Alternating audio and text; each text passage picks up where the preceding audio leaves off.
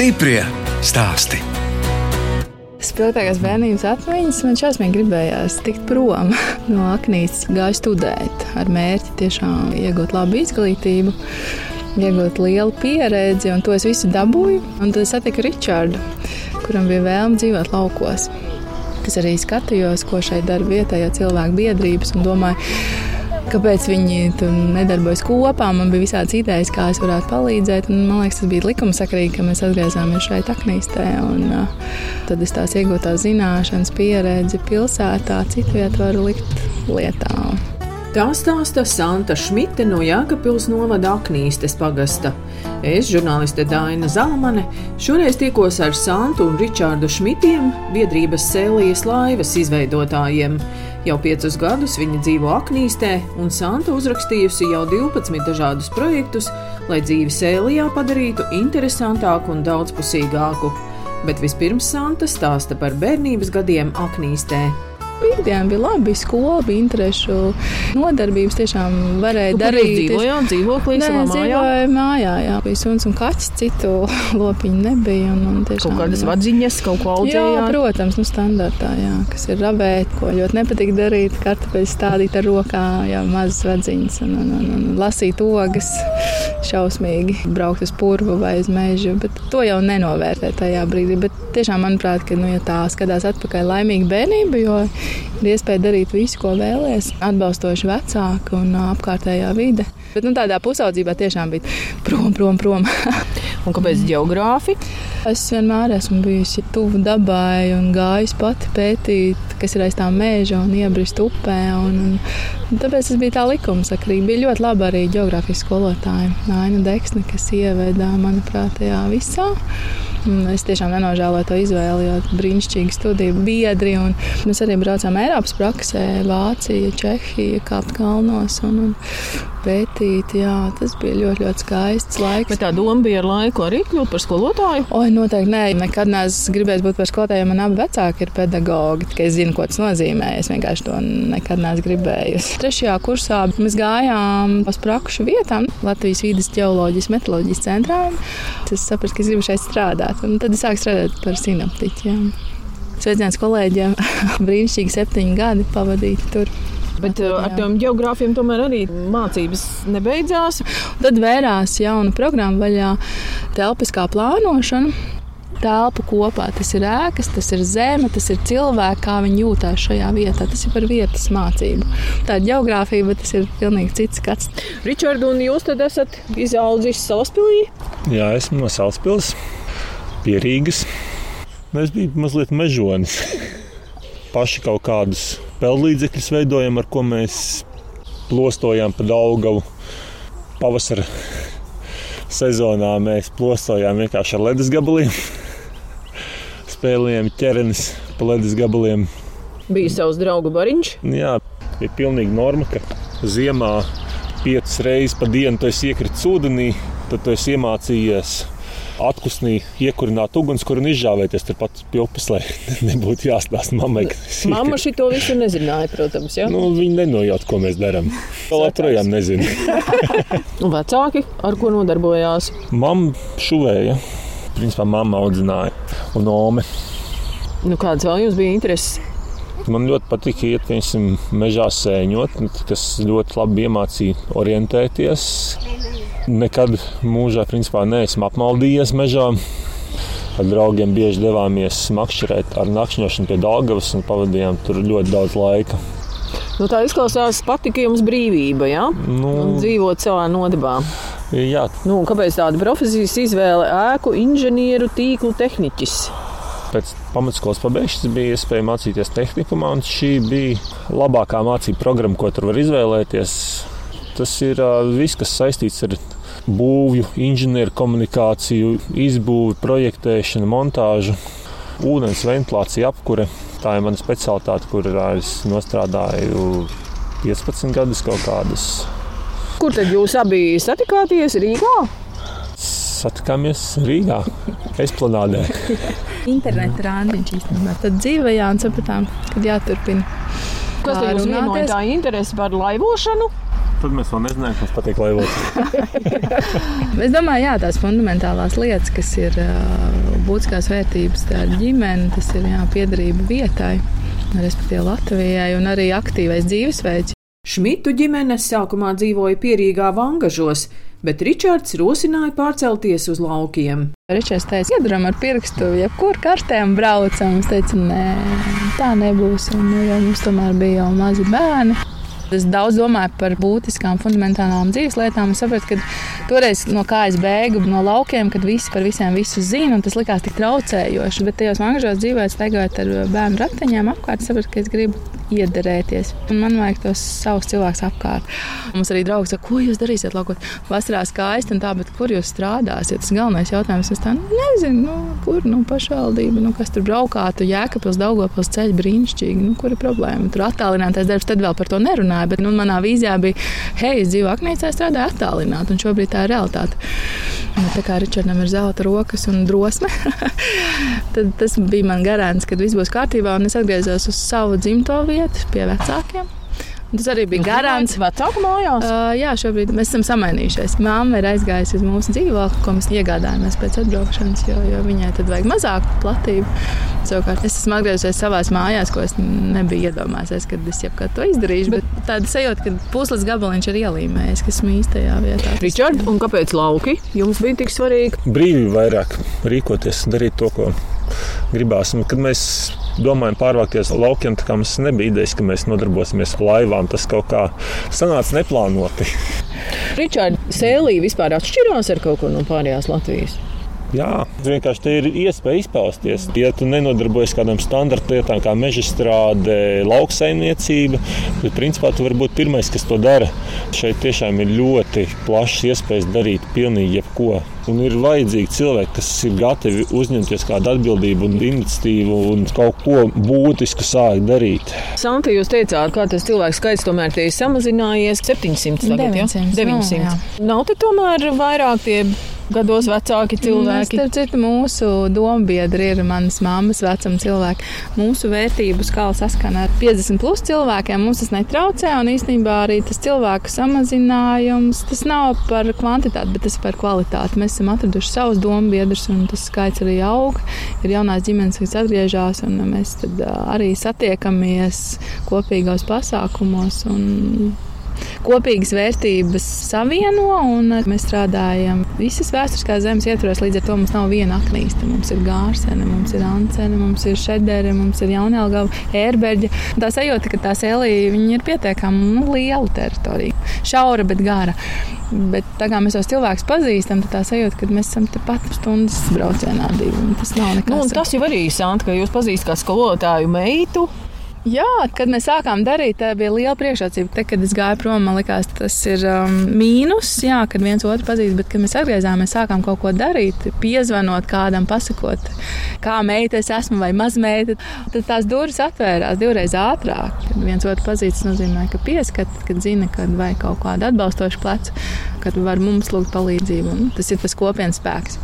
Atgriežoties Aknīstē, Santa strādāja pašvaldībā par teritorijas plānotāju. Īsnībā jau es darīju ļoti daudz citas lietas, un man ļāva to darīt. Gan deputāti, gan priekšniecība.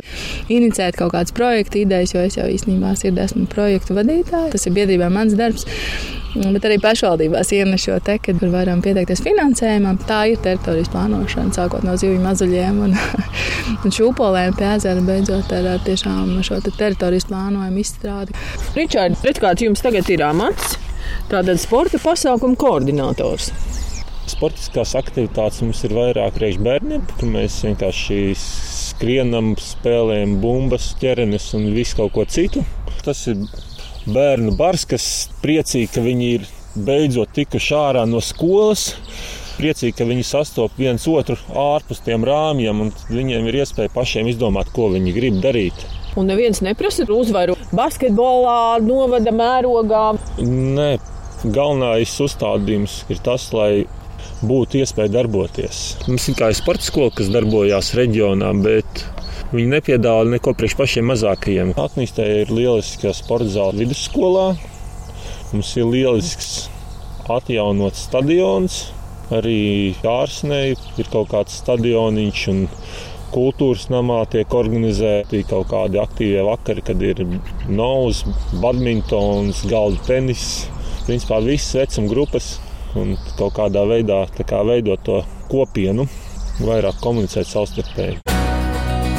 Stiprie stāstī!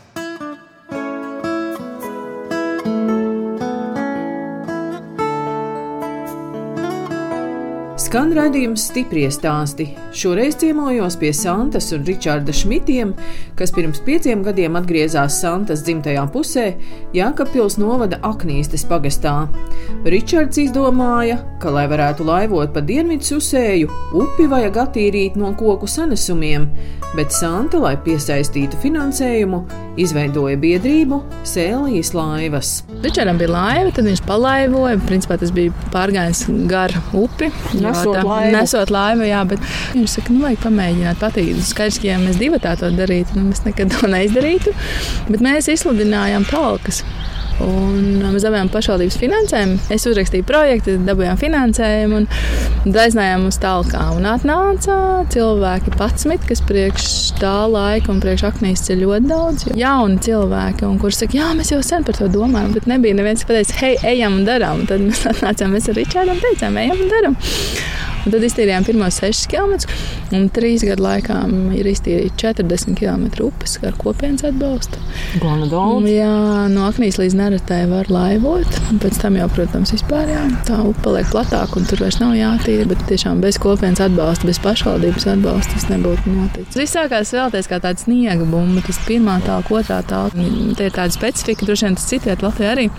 Cilvēki tā, jā, es mīlu savu gārsinu, gārsines pagastu, bet tas, kas notiek aknīs, te vai aknīs pagastā, nē, tas uz maniem neatiecās. Un mēs esam tie, kas velk cilvēkus pāri tām robežām, jaucam tās robežas, sakam, nē, hei, tā ir kopējā teritorija, tā upe plūst cauri ļoti dažādām vietām. Mēs neskatāmies uz administratīvām robežām, jo tas ir tā plašāk. Ričard, kāpēc jums tās laivas tik ļoti patīk? Un tā laivošana. Tā ir būšana kaut kur ārpus visa. Kad mēs šeit ieradāmies, un bija pašam viena laiva. Tas bija jūras kajaks, 5 metrīgs, super šaurs. Lai tiktu pie nākamajām laivām, tad Santa jūs kaut kādu projektiņu rakstījāt. Ja? Jā, jā, jā, mums ir uh, brīnišķīga iespēja visiem laukiedzīvotājiem piesaistīt Eiropas struktūra fondu finansējumu, kas ir līderi finansējums lauka teritorijā. Mums ir šobrīd divi lielie līderi projekti, kas ir uzņēmējdarbības veicināšanai. Biedrības Sēlijas laivas īpašumā šobrīd ir gan subdēļi, gan 80 dažāda lieluma laivas. Kopā ar Ričārdu apskatām laivas, kas sakrautas piekabē.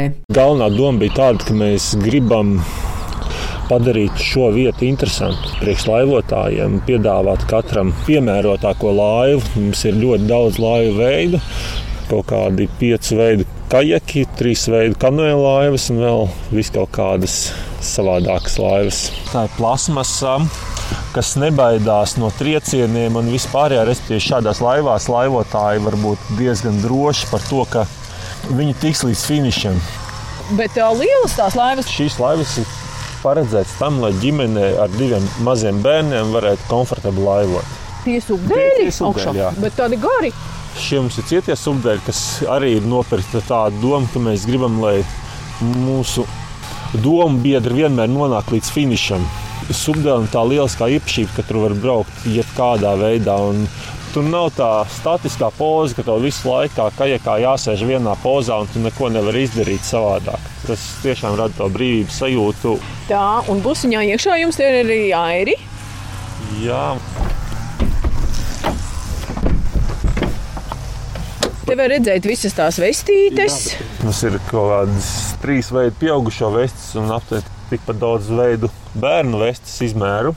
Tā, Ričard, un izstāsta, ka jūs te pats esat, jā, tos plauktus arī uzbūvējis. Jā, mēs šo izveidojam paši pēc idejas, skatoties, kā šeit kaut ko var izvietot. Vajadzības gadījumā mums ir pat vestes priekš suņiem. Pārsvarā tie tomēr ir mājas mīluļi, kas upē līdz šim nav bijuši. Viņiem patīk kaut kur lekt un skriet. Un var rasties visādas neparedzētas situācijas. Te vestītē, pieņemsim, ir tāds plus, ka viņai ir rokturis, un to suni var kā čemodānu iecelt laivā atpakaļ. Vēl dienvidu uzsējā lielākais plus no drošības viedokļa ir tāds, ka 90% upes maksimālais dziļums ir aptuveni līdz viduklim. Laižot šeit laivotājs, mēs varam justies pat ļoti droši, ka nebūs nekādu starpgadījumu, bet nemāk peldēt Dievs krastu. Kas var būt labāks, kā karstā vasaras dienā būt pie upes?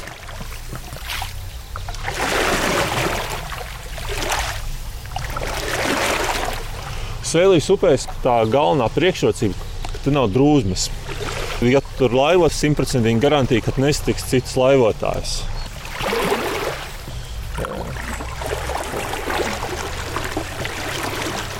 Mums ir piedāvājums divu dienu laivu braucienam, kad var uh, vietā apstāties. Tur ir pirtiņa, tur ir ugunskura vieta, tur ir galdiņš, soliņš. Nu, kāda pirtiņa?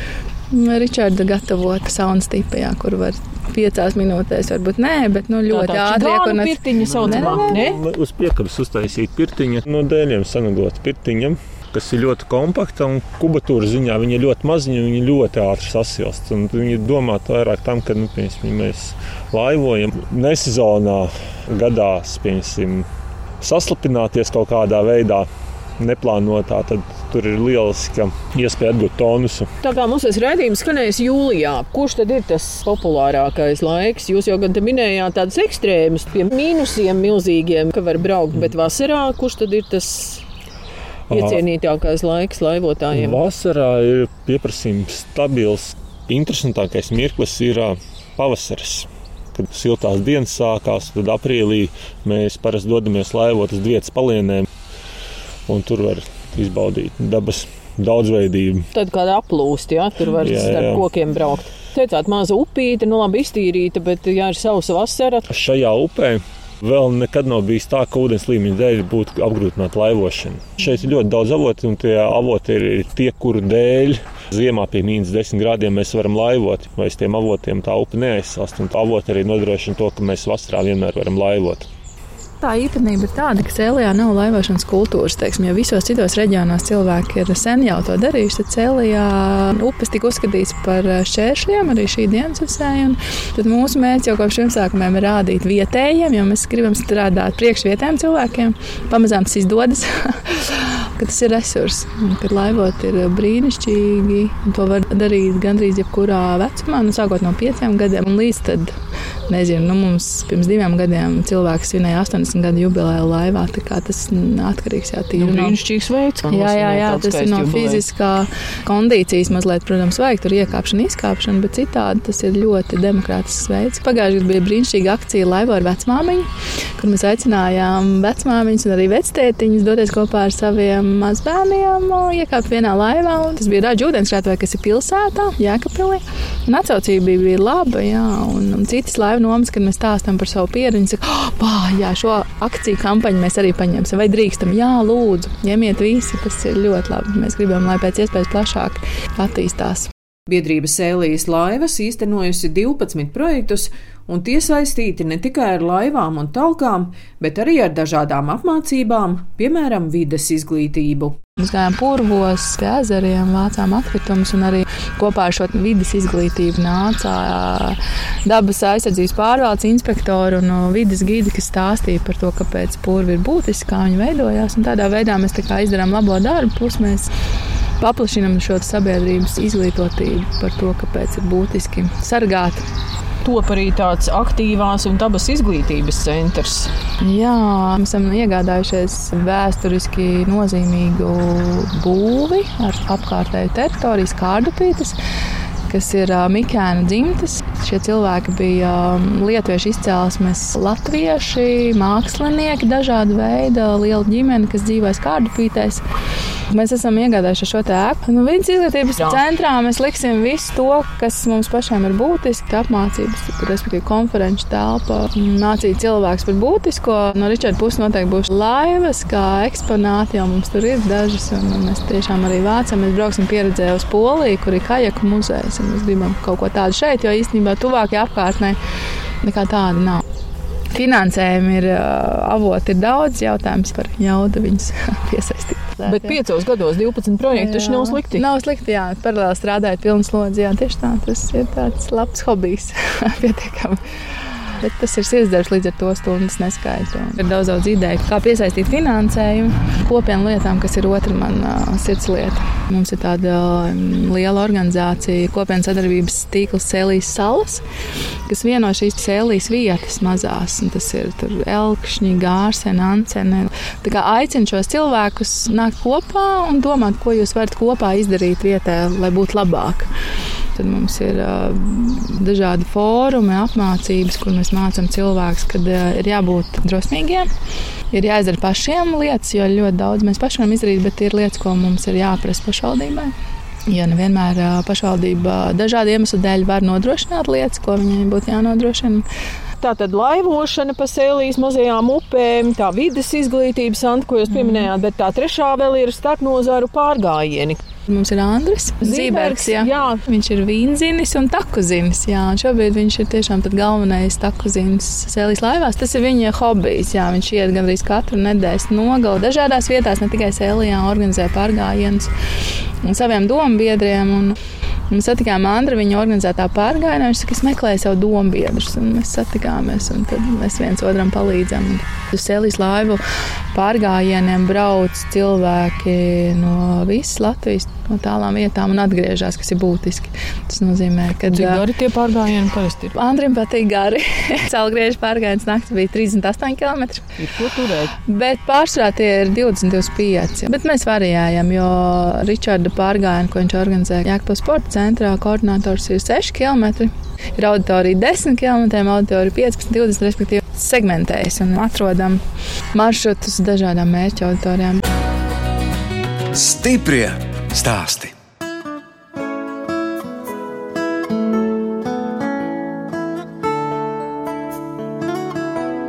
Jūs klausāties rādījumu stipri stāstī.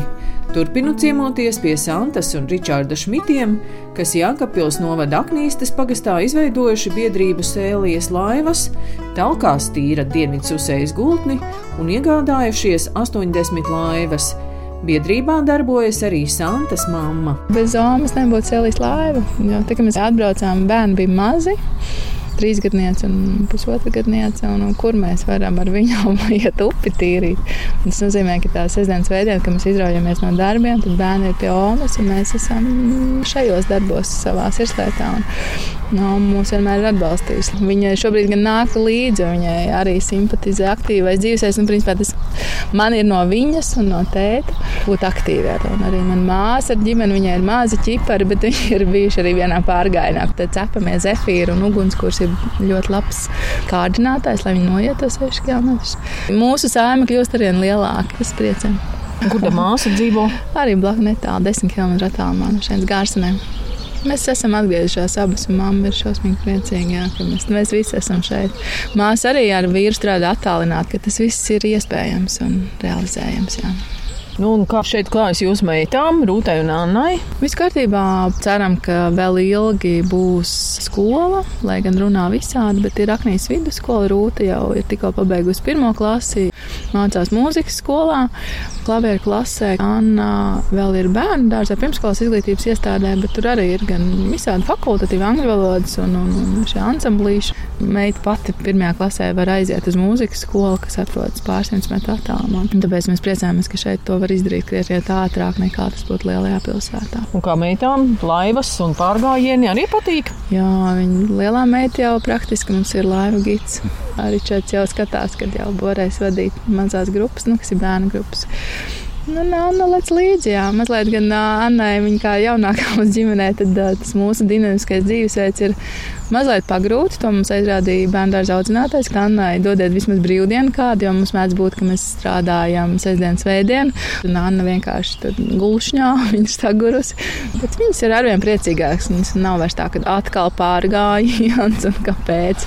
Jo viņi zina, ka tur pretī būs draugi. Ir vēl kaut kādi citi vaļasprieki bez tām laivām un pārgājieniem.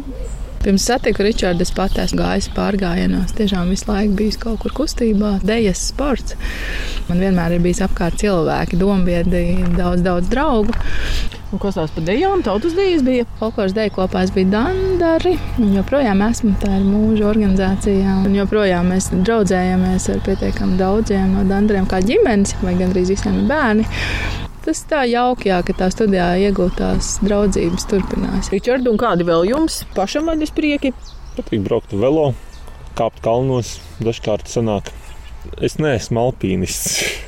Kaut kad Norvēģijā ir būts, kaut kad Polijā. Un šogad arī jāvelta ļoti daudz laika mājām. Mēs principā šajā pavasarī tikai pārvācāmies uz māju, un tad bija diezgan daudz laika jāvelta tam, lai tur varētu justies komfortabli. To pašu kosmētisko remontu, malku šķūnīši, nolikta viņa jāuztais priekš inventāru, un tas viss aizņem ļoti daudz laika. Tāpat malkas sagāda, tie baļķi ir jāsazāģē, viņi ir jāsaskalda, viņi ir jāsakrāmē. Tas arī prasa ļoti daudz laika.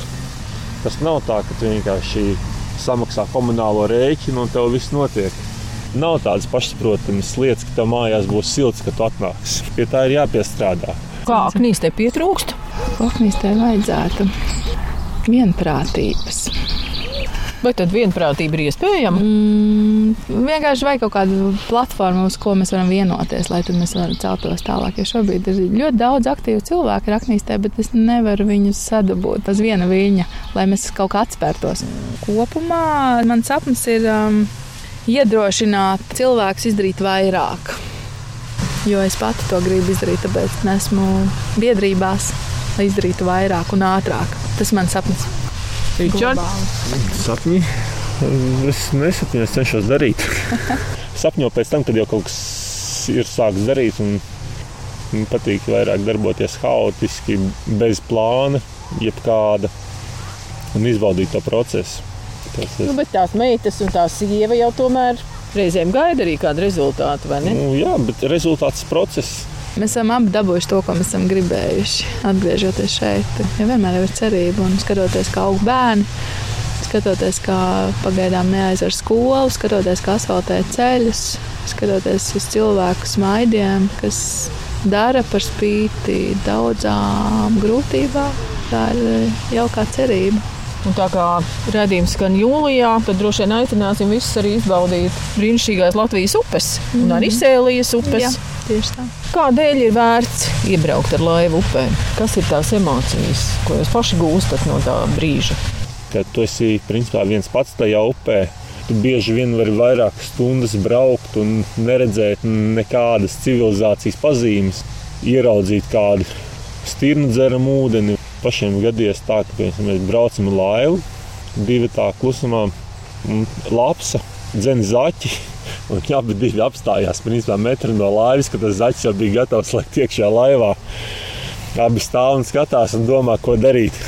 Piemēram, bija gadījies, ka es braucu pa Daugavu un neplānot Daugavas vidū satiekt stirnu, kas arī ir izdomājis čērsot Daugavu vai upes krastā guļ bebrs kurš neplāno mosties uzreiz. Paskatās te, saprot, tev nav ierocis, vēl bišķi paguļ un tad tikai peld projām. Dodoties dabā, tu nekad nevar zināt, ko tu redzēsi un kādas būs tavas sajūtas. Tas ir tas, ko es sagaidu no mazajām upēm. Mazās upes iedod to iespēju atgriezties pie pirmsākumiem. Jo, manuprāt, šobrīd cilvēki ir diezgan tālu no dabas. Manuprāt, viņi nesaprot dabu. To mēs esam izbaudījuši nevienu reizi. Vienu, mazliet caur dabu saprast sevi un atgriezties pie saknēm. To man dod daba, un es, es domāju, ka to arī mēs varam parādīt citiem.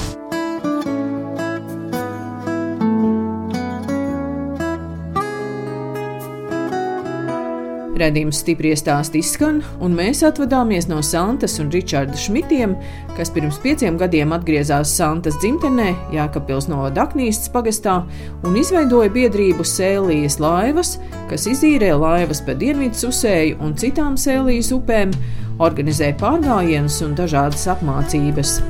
Katrai Latvijas vietai pa šādai enerģiskai jaunai ģimenei novēl žurnāliste Dāna Zalamane un operātore Inga Bēdele. Uz tikšanos!